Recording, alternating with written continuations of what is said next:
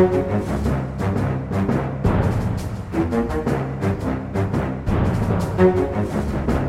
da kjører vi på med en ny episode av Aftenpodden USA. Og som vanlig med oss fra Frogner i Oslo er Kristina Pletten. God dag, god dag. God dag, god dag, Øystein. Og hvor er du i verden nå? Nei, ikke sant. Jeg pleier jo å si at jeg er i Brooklyn i New York. Av og til så er jeg andre spennende steder i USA, men nå er jeg faktisk i Jerusalem. Av alle steder. Og det er ikke sånn Jerusalem, New York State, eller noe sånn, Jeg har jo vært i Betlehem, Pennsylvania eller noe. Dette er the real shit. Det hellige mm. land. Jerusalem i Israel. Og vi fikk jo en uh, mail fra en uh, lytter som var litt sånn uh, Syns litt synd på meg, da, fordi at du opplever så mye spennende, og uh, jeg sitter nå her. Men uh, denne ja. gangen så tenker jeg at vi må jo faktisk få lov å snakke litt om at du er et veldig spennende sted akkurat nå. Ja, ja jeg, jeg, kan kanskje bli litt sånn hoverende. Det har jo vært hele situasjonen. USA åpner, Norge er stengt, vaksiner og hele greia. Men ja, det føles Det er bare utrolig spennende å være i Jerusalem. Og det er jo bare sånn jeg må bare si det, jeg er fortsatt USA-korrespondent. Uh, og det er litt tilfeldig at jeg ble sendt til Israel, for vi har jo folk som er garvede Midtøsten-kjennere, som har vært her mm. masse. Men det hadde seg rett og slett sånn at ingen av de klarte å komme seg inn i Israel. For de har jo, Israel er jo fullvaksinert, eller i hvert fall mm. langt på vei mot flokkimmunitet for lenge siden, og de slipper nesten ingen inn, annet enn andre fullvaksinerte. Og når vi da begynte å se oss rundt på huset, så var jeg en av de ytterst få da, som hadde fått begge dosene og, og var mulighet til å kunne reise. Og Øystein, rent bortsett fra at dette her er jo en situasjon der det har vært eh, en ganske tilspisset konflikt, så er jo Jerusalem en fantastisk by og et sted som kanskje ingen annet sted på jorden, vil jeg si da. Jeg har vært der flere ganger og blir like slått i bakken hver gang. Hvordan har det opplevdes for deg som, som er der for første gang? Nei, det har vært, det har vært kjempe, kjempespennende. Vi var noen dager først på kysten, altså rundt Tel Aviv. For det var sånn at vi kunne ikke bare begynne å jobbe med en gang. Vi måtte ta en blodprøve og vise at vi hadde antistoffer. Israeleren tar dette, tar dette blodseriøst for, for, å si det sånn. Og vi hadde antistoffer, og da kunne vi da reise rundt i landet. Og da, nå bor vi da i en Airbnb-leilighet utenfor gamlebyen i Jerusalem. Og jeg har ikke fått sett så utrolig mye ennå, for vi har jo vært mye rundt i landet og reist og sånn, og det skal vi komme litt tilbake til. Men jeg har vært en eh, runde, hatt eh, fire-fem timer i gamlebyen, og det var ja, det er helt, rett og slett et helt fantastisk sted. Eh, jeg mm. skjønner ikke at jeg ikke har vært der før. Nei, det er noe helt spesielt, og gamlebyen er jo eh, omgitt av en mur, og så er den delt i flere deler. Der er en kristen del, der er en jødisk del, og der er faktisk en armensk del som er litt sånn ganske stor, da, men veldig sånn ja. innadvendt og eh, litt sånn merkelig sted å vandre rundt. Men man kan jo gå seg vill inni der, for det er jo som en labyrint, og det er Du går og vandrer i historie, og det er helt fantastisk, rett og slett. Ja. Og nå er vi også da helt alene nesten i gamlebyen. Det er jo ingen turister i det hele tatt, Nei. så alle restaurantene er jo tomme. Og vi ble, jeg vil si, charget ganske høyt for en kebab her om dagen, han som jobba der. Så vi gikk i en slags turistfelle, da. Det hører jo med. Eh, ja. Men de sliter jo som, som, bare det. Vi får bare, men vi får håpe altså Lesere alle bør forsøke å komme seg ut når ting er fredeligere, og når ting er åpnet opp igjen. Men du, denne poden handler om USA. Uh, USA mm. har en helt sånn sentral posisjon i Israel-Palestina-konflikten. Kanskje er det det utenforstående landet som, som betyr mest, egentlig.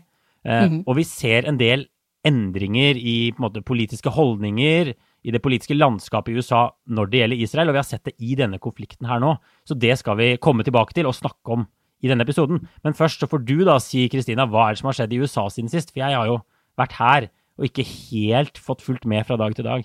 Yes. Vi har snakket før om denne store infrastrukturpakken som Biden har foreslått. Så har jo republikanerne kommet med et mottilbud som var ganske mye lavere, og nå har Biden kommet med nok et nytt forslag der han kutter ca. 500 milliarder dollar av sin opprinnelige pakke. Men partene står langt ifra hverandre. Demokratene har signalisert at de vil kjøre sitt eget løp i, løpet av juni hvis ikke det blir enighet. Og Nancy Pelosi har sagt at hun vil ha pakken godkjent 4. juli. Eller innen 4. Mm. juli. Og apropos Pelosi, så har Representantenes hus vedsatt å nedsette en uavhengig kommisjon som skal granske stormingen av Kongressen 6.1. Men den må også videre til Senatet, og der er det tvilsomt om den vil bli vedtatt. Mitch McConnell har sagt at han ikke vil anbefale sine eh, senatorer på høyresiden å stemme for. Ja. Og så har voldsbølgen fortsatt å plage USA. I helgen så var det tolv masseskytinger, ifølge Axios. Eh, det betyr at fire personer eller mer ble skadet eller drept i samme hendelse. Og det har vært 13 13 massemord og over 230 masseskytinger hittil i år. 7600 mennesker er drept av skytevåpen. Og dette er i ferd med også å bli en bitte liten krise for Biden, så dette er noe han må ta fatt i etter hvert. Mm. Men du, i dag får vi snakke om Israel og Palestina og USA, da. Jeg har jo mm. fått reist litt rundt her siden jeg kom. Jeg var, vi har vært laget en reportasje i, i Øst-Jerusalem hvor vi snakket med, med palestinere som, som, ikke får bygge på husene sine. De får ikke byggetillatelse. Eh, og det er liksom eh, virkelig sånn kjernepunkt i, i denne konflikten. Han de var mm. intervjuet, han hadde altså forsøkt å bygge på en annen etasje i huset sitt fem ganger, og han måtte rive den alle fem, fem gangene. Og hele den siste runden med, med konflikt mellom Israel og Hamas da, og Gaza han hadde jo sitt utspring bl.a. i en sånn eiendomskonflikt. Og så har jeg vært en tur på like ved grensen til Gaza, på den israelske siden. Og de som lever der, har jo, de har det jo ikke like ille som de i Gaza, det får vi bare si. Men det har vært sånn at etter at Hamas tok over Gazastripen i, i 2007, så har det vært Livet der endret seg helt. De reiste dit og flyttet dit en gang i tiden fordi de så på det som et ganske, ganske fredelig område i Israel. Men nå er det mm. sånn at det kan komme en rakett nærmest når som helst. da. Det er det de forteller. Dette var oppslag i, i tirsdagsavisa òg. Det livet til de menneskene der, og de, og de barna som, som, lærer fra de før de kan gå, nesten, hva de skal gjøre når flyalarmen går. Til og med hundene mm. vet at de skal bare kaste seg inn i sånn, i sånn bomberom, og de har 15 sekunder på seg. Som jo er absolutt ingenting. Hvis du f.eks. står i dusjen, så har du ja. sykt dårlig tid. Og Jerusalem, der du er nå, er jo kjernen i denne konflikten som har pågått i mange tiår, og der USA også har prøvd med veksle hell å få til en løsning. Og det er jo sånn at inne i gamlebyen så er det helligdommer for tre forskjellige religioner. Det er kristne, den jødiske, og det er den muslimske religionen som alle har noen av sine helligste steder på et sånn veldig konsentrert område. Og en av de utløsende faktorene denne gangen var jo også det at israelsk politi stormet Tempelhøyden, der det ligger en moské, mm. som eh, muslimene er veldig sensitive for, selvfølgelig, eh, påvirkning, og der det da oppsto en sånn konflikt som gjorde at i tillegg til denne boligkonflikten som du snakker om i Øst-Jerusalem, så, så ble det Så smalt det denne gangen også. Nemlig. Og, og ståa nå, da, bare for å ta det kort, er jo at det ble inngått en våpenhvile mellom Hamas og Israel på fredag. Så mm. jeg, har en sånn, jeg lasta ned en sånn app på telefonen da jeg kom hit, for å på en måte være, vite hva man skal gjøre. da. Hvis det kommer et rakettangrep, så får man en sånn alarm på telefonen. Og mm. vi kom jo før våpenhvilen, og da var det sånn at det rant inn med sånne alarmer hele tiden. Jeg får inn alle alarmene for hele Israel.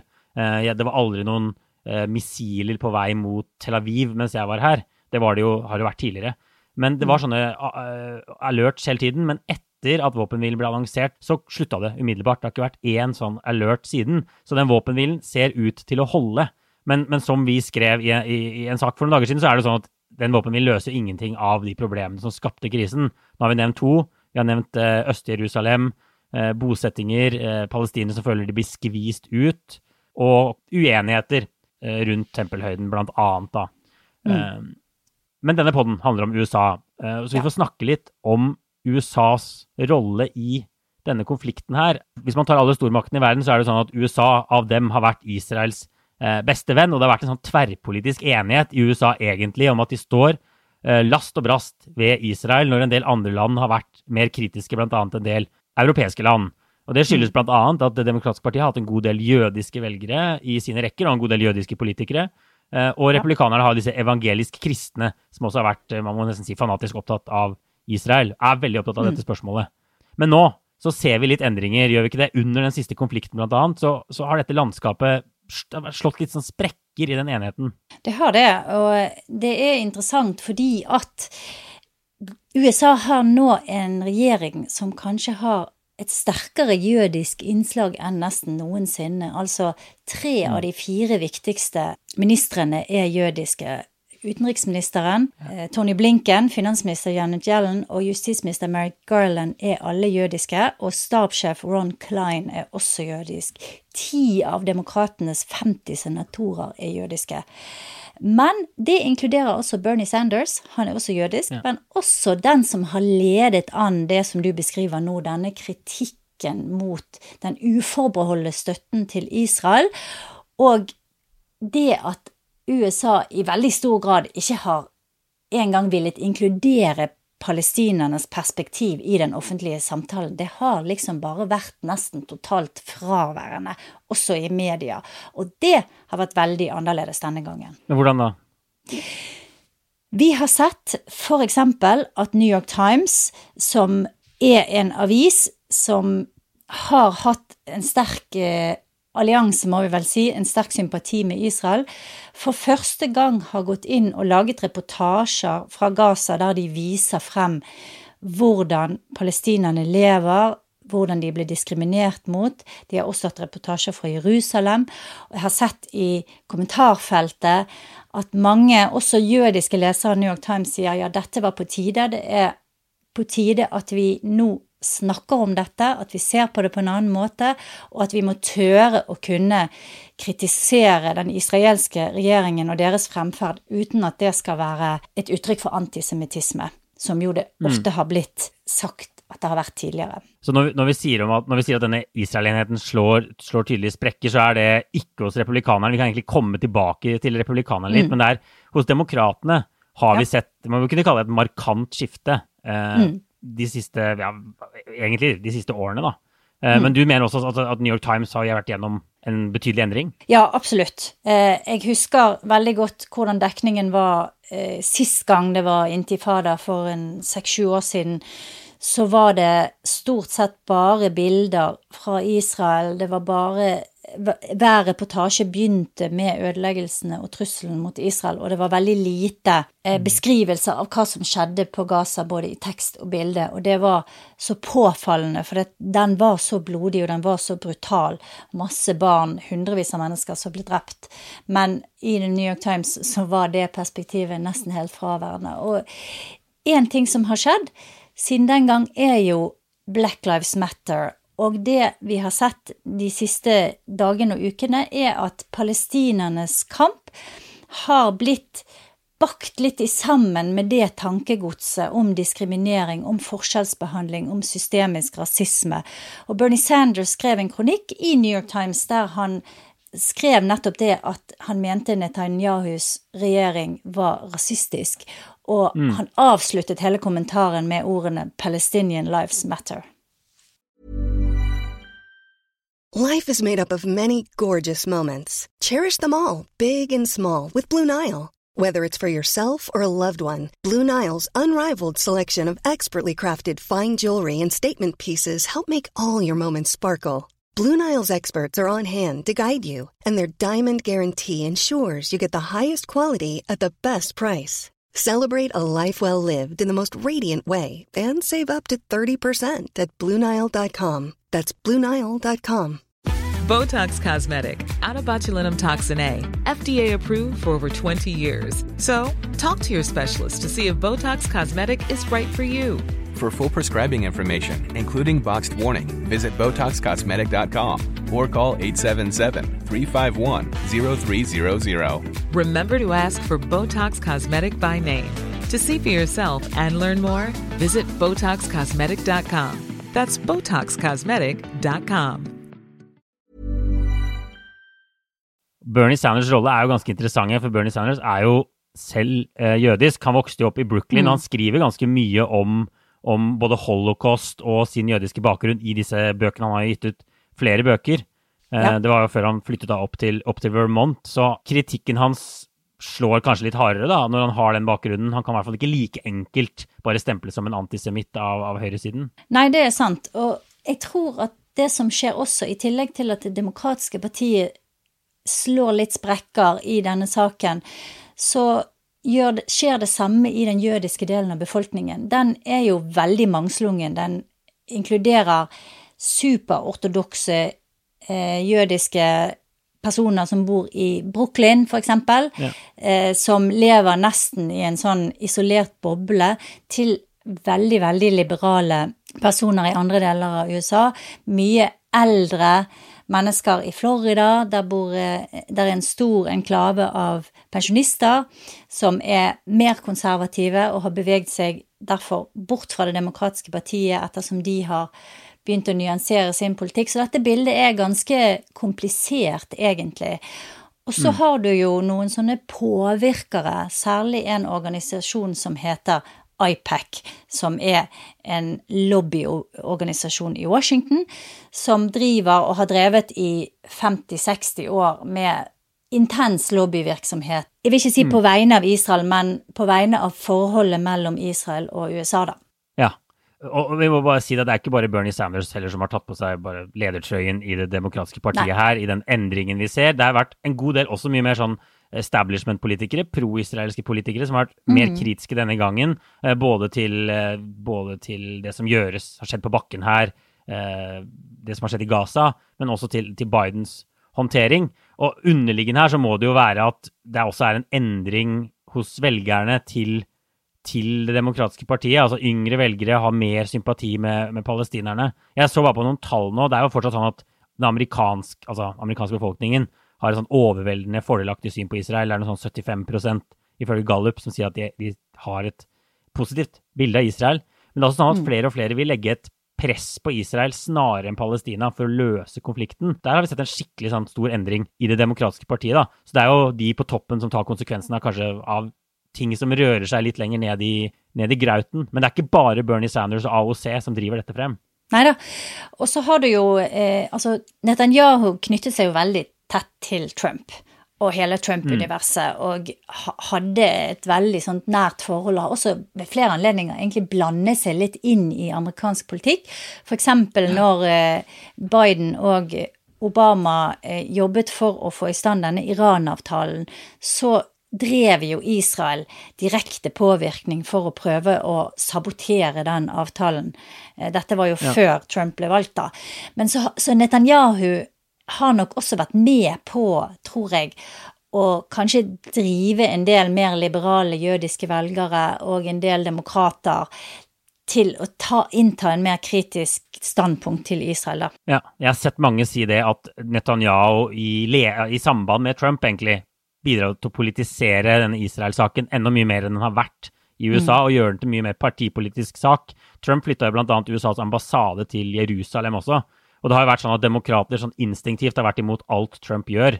Eh, så det kan jo bare hende at, at sånne type ting Trump gjør som det, da, har bidratt til å gjøre dette til partipolitikk. Og jeg hørte på en sånn podkast med sånne tidligere Obama-rådgivere, Pod Save the World, eh, Tommy Vitor og Ben Rhodes. Ben Rhodes mm. har bl.a. skrevet bøker om Obamas utenrikspolitikk. Interessant podkast å høre på eh, når de skal forklare litt sånn tankegangen den gangen. Og de er fortsatt på en måte rasende på Netanyahu og måten han dro til USA på dro til Kongressen eh, på invitasjon fra republikanerne og forsøkte mm. å, ja, som du sa, eh, underminere Iran-avtalen. Eh, så, så, det kan jo også hende at Netanyahu har spilt kortene sine litt dårlig her, da. Han, ja, i hvert fall siden Trump ikke ble gjenvalgt. ja, mm. ja, nå har han ikke så gode venner i, i Washington. Men han har jo venner i, i Det demokratiske partiet fortsatt. Vi må snakke litt om hva Biden har gjort her. For det er jo ikke sånn at Biden har hadde vært et vannskille i USAs Israel-politikk under Biden i det hele tatt. Snarere, snarere tvert imot, kanskje? Ja, snarere tvert imot. Og Biden har jo litt som han har gjort med andre ting. Han har jobbet eh, stille og rolig, og, eh, men ganske intenst, for å få på plass denne våpenhvilen. Ifølge igjen, så har det vært seks telefonsamtaler mellom Biden og Netanyahu. Og de har også trukket inn Egypt, og fått Egypt til å være de som forhandler den endelige våpenhvilen fordi at egypterne har ganske bra kontakt med Hamas, og kunne dermed eh, eh, sørge for at de faktisk holdt det de lovet, at de kunne stole på at, de, at når egypterne sa at jo da, det, de går med på en våpenhvile, så stemte det faktisk.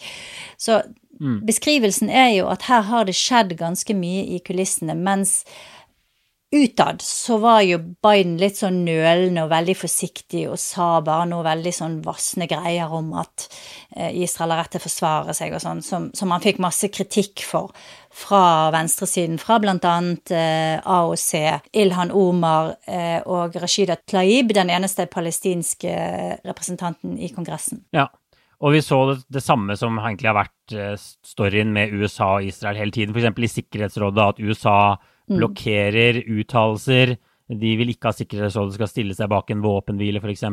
Møter blir utsatt, de blir kanskje lukket, mens andre vil ha de åpne. Så, så, der har også USA spilt sin tradisjonelle rolle, og Biden har jo vært i dette gamet lenge og er jo en sånn gammel Israel-venn. Ja. Eh, jeg så et sted at Biden har skrevet til Benjamin Netanyahu en gang i tiden at uh, I don't agree with the damn thing you say, but I love you, f.eks. Som er også en veldig sånn snål bidensk ting, som er litt vanskelig å skjønne akkurat hva han mener, da. Men, men, man har jo sett en videreføring av den linja, og Biden fikk mye kritikk for ikke, ikke for eksempel ville mane til en, til en våpenhvile, da, som jo virker som en sånn ganske sånn åpenbar og enkel ting å gjøre.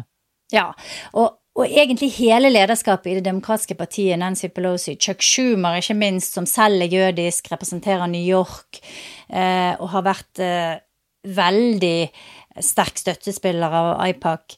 Eh, alle de er jo kommet opp i politikken i en tid der det å støtte Israel uten forbehold var bare det man gjorde i Det demokratiske partiet. Det, det var ingen som stilte spørsmål ved det engang. Og du Nei. nevnte dette med å flytte ambassaden. Det er jo faktisk sånn at for mange år siden, på 90-tallet, så besluttet Kongressen at ambassaden skulle flyttes. Og Biden stemte også for det, men det ble ikke gjort. Og presidentene tok aldri det steget å sette det faktisk i verk før Trump faktisk gjorde det, men det, det var et uh, solid flertall for det. Mm. Uh, men uh, ingen vilje til å gjennomføre det før Trump faktisk gjorde det, da. Nei, og bakgrunnen der er selvfølgelig at de aller fleste land har ambassader i Tel Aviv, som er mye mindre politisert enn i, mm. enn i, denne, enn i Jerusalem. Det er veldig få land som har ambassader. Så det er derfor dette er så, så kontroversielt, da, fordi denne byen er så, så kontroversiell også. Mm. Men, men, Biden får egentlig litt skryt, bl.a. i den Axios-saken, for å ha brukt bakkanaler og for å egentlig ha lykkes med å få en våpenhvile i stand relativt raskt, da, etter elleve dager. Men jeg hørte på, da, altså på Vieter og Rhodes, eh, disse gamle Obama-rådgiverne, og, og mm. de mener liksom at, at, inntrykket som står igjen, er at administrasjonen i USA ikke bryr seg om sivilbefolkningen i Gaza tilstrekkelig i måten de kommuniserer på, da. Eh, selv om de fikk på plass denne våpenhvilen. Og at de er også litt sånn kritiske til den fremstillingen, tror jeg, at, at bakkanaler fungerer så effektivt.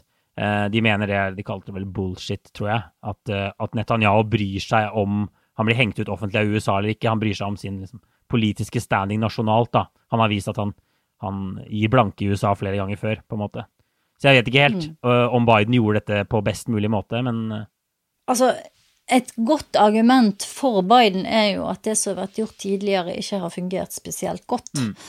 Eh, så sånn sett så kan man jo si at det å prøve med en litt uh, ny tilnærming der uh, man kanskje ikke går så høyt ut eller har sånne veldig omstridte forhandlinger med masse baluba, men gjør det litt i det stille, kanskje det kan få en like, like, god effekt. Det var jo faktisk det man gjorde før Oslo-avtalen. Da. da hadde jo man masse sånne hemmelige møter, og, og fikk da til slutt fremforhandlet en, en avtale. Men det jeg syns er viktig å huske på, som ofte forsvinner litt i, i hele denne saken, det er at dette er ikke bare en motsetning mellom Israel og Palestina eller mellom USA og disse landene, men det er også mye interne stridigheter. I Israel så finnes det også masse moderate mennesker mm. som ønsker fred, og som ønsker en avtale. Det samme gjelder i de palestinske områdene. Så dette er også en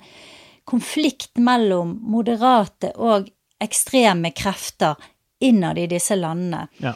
Og til nå så har jo vi sett at de ekstreme, og da inkluderer jeg egentlig både Netanyahu og Hamas har fått mer og mer makt, mens de moderate kreftene blir satt veldig ut av spill.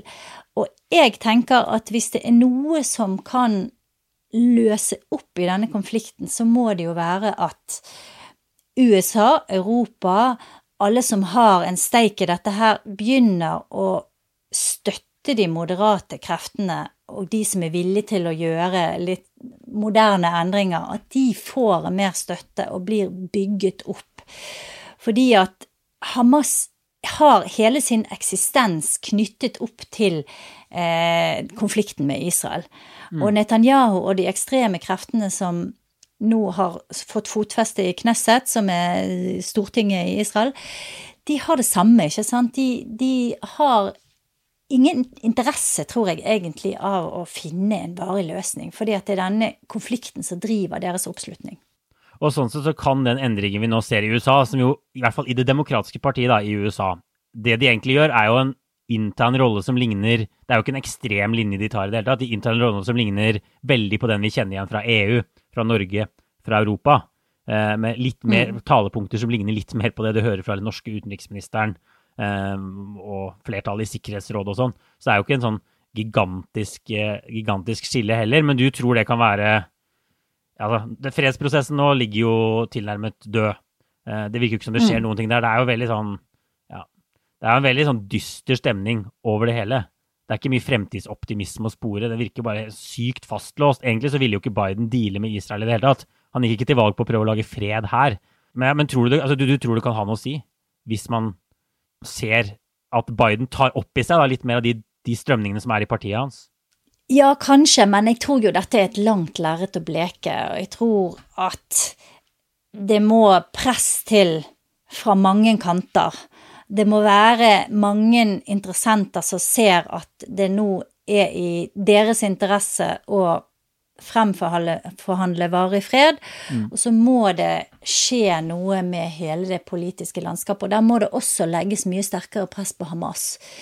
Fordi du får en sånn effekt nå, og vi ser det jo i Norge også, ikke sant, der, det, der all sympatien ligger på ene eller andre siden. Ja. Og så er det null kritisk tilnærming til de du sympatiserer med. Og så lenge det er sånn, så tror jeg ikke at det er, dessverre, at det er noe håp for løsning.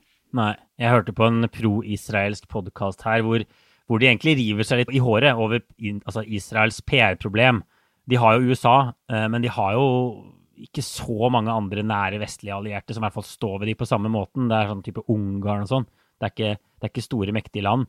Og, og, når de da ender i en konflikt med Hamas og likevel klarer å fremstå som den store, stygge ulven altså Hamas er jo stemplet som en terrororganisasjon av USA og EU. Eh, de har skutt mye? 4000 over 4000 raketter mot Israel. Likevel så fremstår mm. Israel som, som den store, stygge ulven internasjonalt. At de har et stort, stort, stort problem med sitt mm. omdømme. da.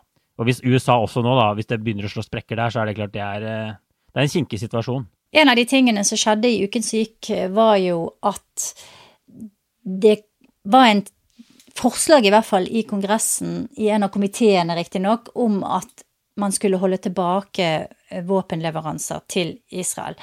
USA leverer masse, masse, masse våpen til Israel. Det ble til slutt slått tilbake, men det hadde ganske stor oppslutning, og det er jo interessant, da.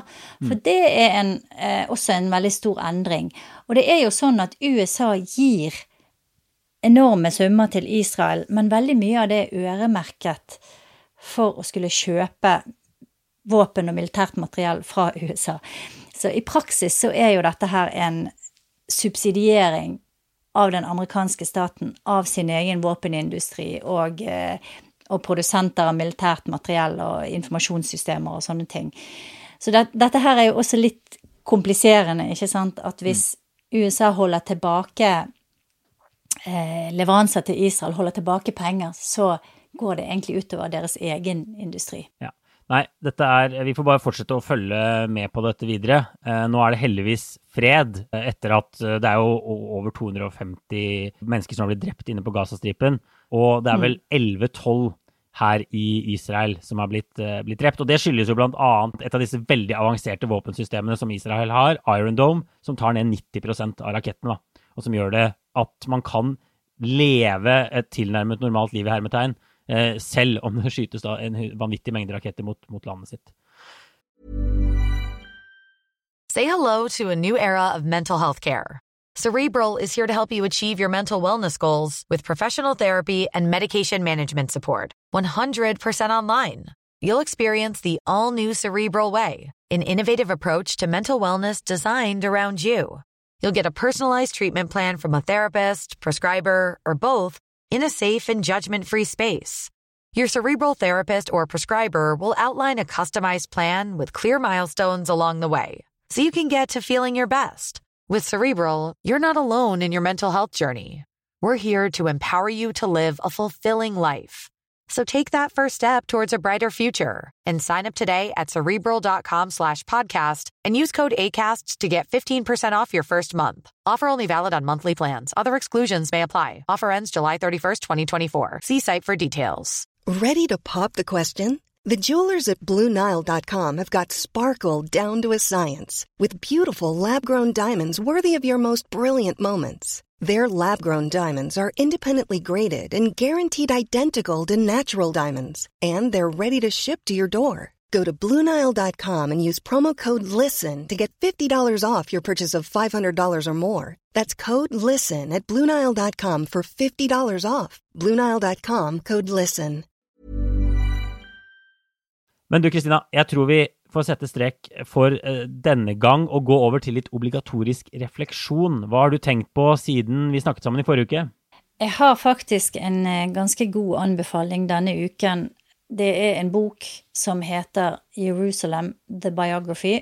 Forfatteren heter Simon Sebag Montefiore.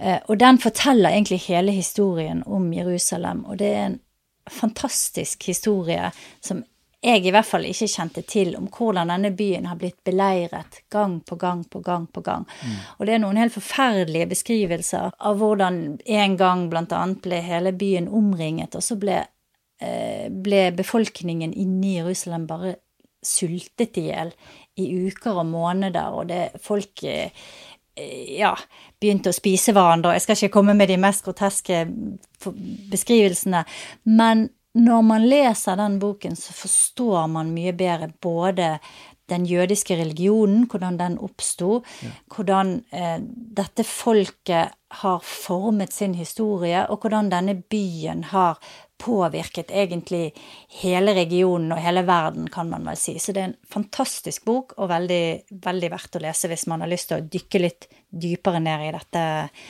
vanskelige, komplekse temaet. Det er en veldig god anbefaling. Min OR er også Jerusalem-orientert i dag. Jeg har lest litt mm. om dette Jerusalem-syndromet, som, som, jeg egentlig ikke hadde hørt om før, men som er bare veldig veldig fascinerende. Som rett og slett handler om at turister, pilegrimer, andre som drar hit, noen av de ender opp med å tro at de er ulike profeter eller andre religiøse skikkelser. Og det er så utbredt at det er et sånt mm. behandlingssenter ved et sykehus i Jerusalem som har spesialisert seg på å behandle da, mennesker som kommer ut, typisk da sikkert av gamlebyen, med ja, fantasier, psykiske lidelser.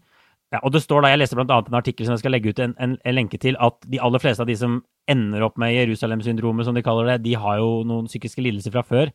Men de sier også at 18% ikke hadde det. Og det står da at jødiske personer de har en tendens til å tro de f.eks. er kong David da, eller andre sånne sentrale skikkelser, mens kristne da heller selvfølgelig mer mot Jesus eller andre profeter. Og det er jo selvfølgelig et veldig rart fenomen, og det er en debatt om det faktisk eksisterer, og hva, hva det egentlig går, går, ut på. Men det er ikke noe tvil om at å gå rundt her, at man kan bli ganske sånn revet med av å gå rundt i Jerusalem. Det er veldig mektig. Eh, og jeg gikk blant annet ned den Via Dolorosa her om dagen, som jo er den veien Jesus skal ha gått på vei til korsfestelsen. Hvor det er en god del sånne stoppepunkter da, hvor man kan lese om hva som skjedde med Jesus hvem han møtte på de ulike punktene. Og det er sterkt å bare gå der og lese eh, samtidig om hva som skjedde. Så jeg skjønner at det eksisterer. Og det er en kirke eh, på den veien også som har vært veldig omstridt i mange århundrer. Der forskjellige typer katolikker, protestanter, alle mulige former for kristendom har eh, sin lille mm. krok. Eh, jeg vet ikke om du var innom den kirken, men jeg har vært inne i den før, og den er veldig jo. fascinerende. Og disse forskjellige kristne fraksjonene har kranglet så mye om denne kirken at det er en palestinsk familie som i flere århundrer har hatt nøklene, så de åpner den om morgenen og lukker den om kvelden for at uh, ingen av de kristne krigerske gruppene da skal, eh, skal få forskjellsbehandling. Ja, nei, det er faktisk, ja, den kirken er vel egentlig slutten på den, den, korsfestelsesveien. Jeg tror du ender opp i den kirken. Jeg var ikke inne der, for jeg mm. hadde ikke på meg klær som gjorde at jeg slapp inn. Dessverre. Så jeg skal dra tilbake dit og sjekke det ut. Men ifølge guidebøker og Bibelen, så er det der, altså det er, det er Golgata som lå der. Dette lå en gang utenfor byen, og det var der Jesus hang Ja. på korset og døde og gjenoppsto. Så det er jo da en helt, eh, helt sentral kirke i kristendommen. Bra. Du Kristine, jeg tror vi får sette strek der. Og så er vi tilbake neste uke. Da tror jeg jeg er tilbake i Brooklyn. Ja. Jeg regner med det. Men inntil da så får alle bare ha det bra. The number one selling product of its kind with over 20 years of research and innovation. Botox Cosmetic, out botulinum toxin A, is a prescription medicine used to temporarily make moderate to severe frown lines, crow's feet, and forehead lines look better in adults. Effects of Botox Cosmetic may spread hours to weeks after injection, causing serious symptoms. Alert your doctor right away as difficulty swallowing, speaking, breathing, eye problems, or muscle weakness may be a sign of a life threatening condition. Patients with these conditions before injection are at highest risk. Don't receive Botox Cosmetic if you have a skin infection. Side effects may include allergic reactions, injection site pain, headache, eyebrow and eyelid drooping, and eyelid swelling. Allergic reactions can include rash, welts, asthma symptoms, and dizziness. Tell your doctor about medical history, muscle or nerve conditions including ALS or Lou Gehrig's disease, myasthenia gravis, or Lambert-Eaton syndrome and medications, including botulinum toxins, as these may increase the risk of serious side effects. For full safety information, visit BotoxCosmetic.com or call 877-351-0300. See for yourself at BotoxCosmetic.com.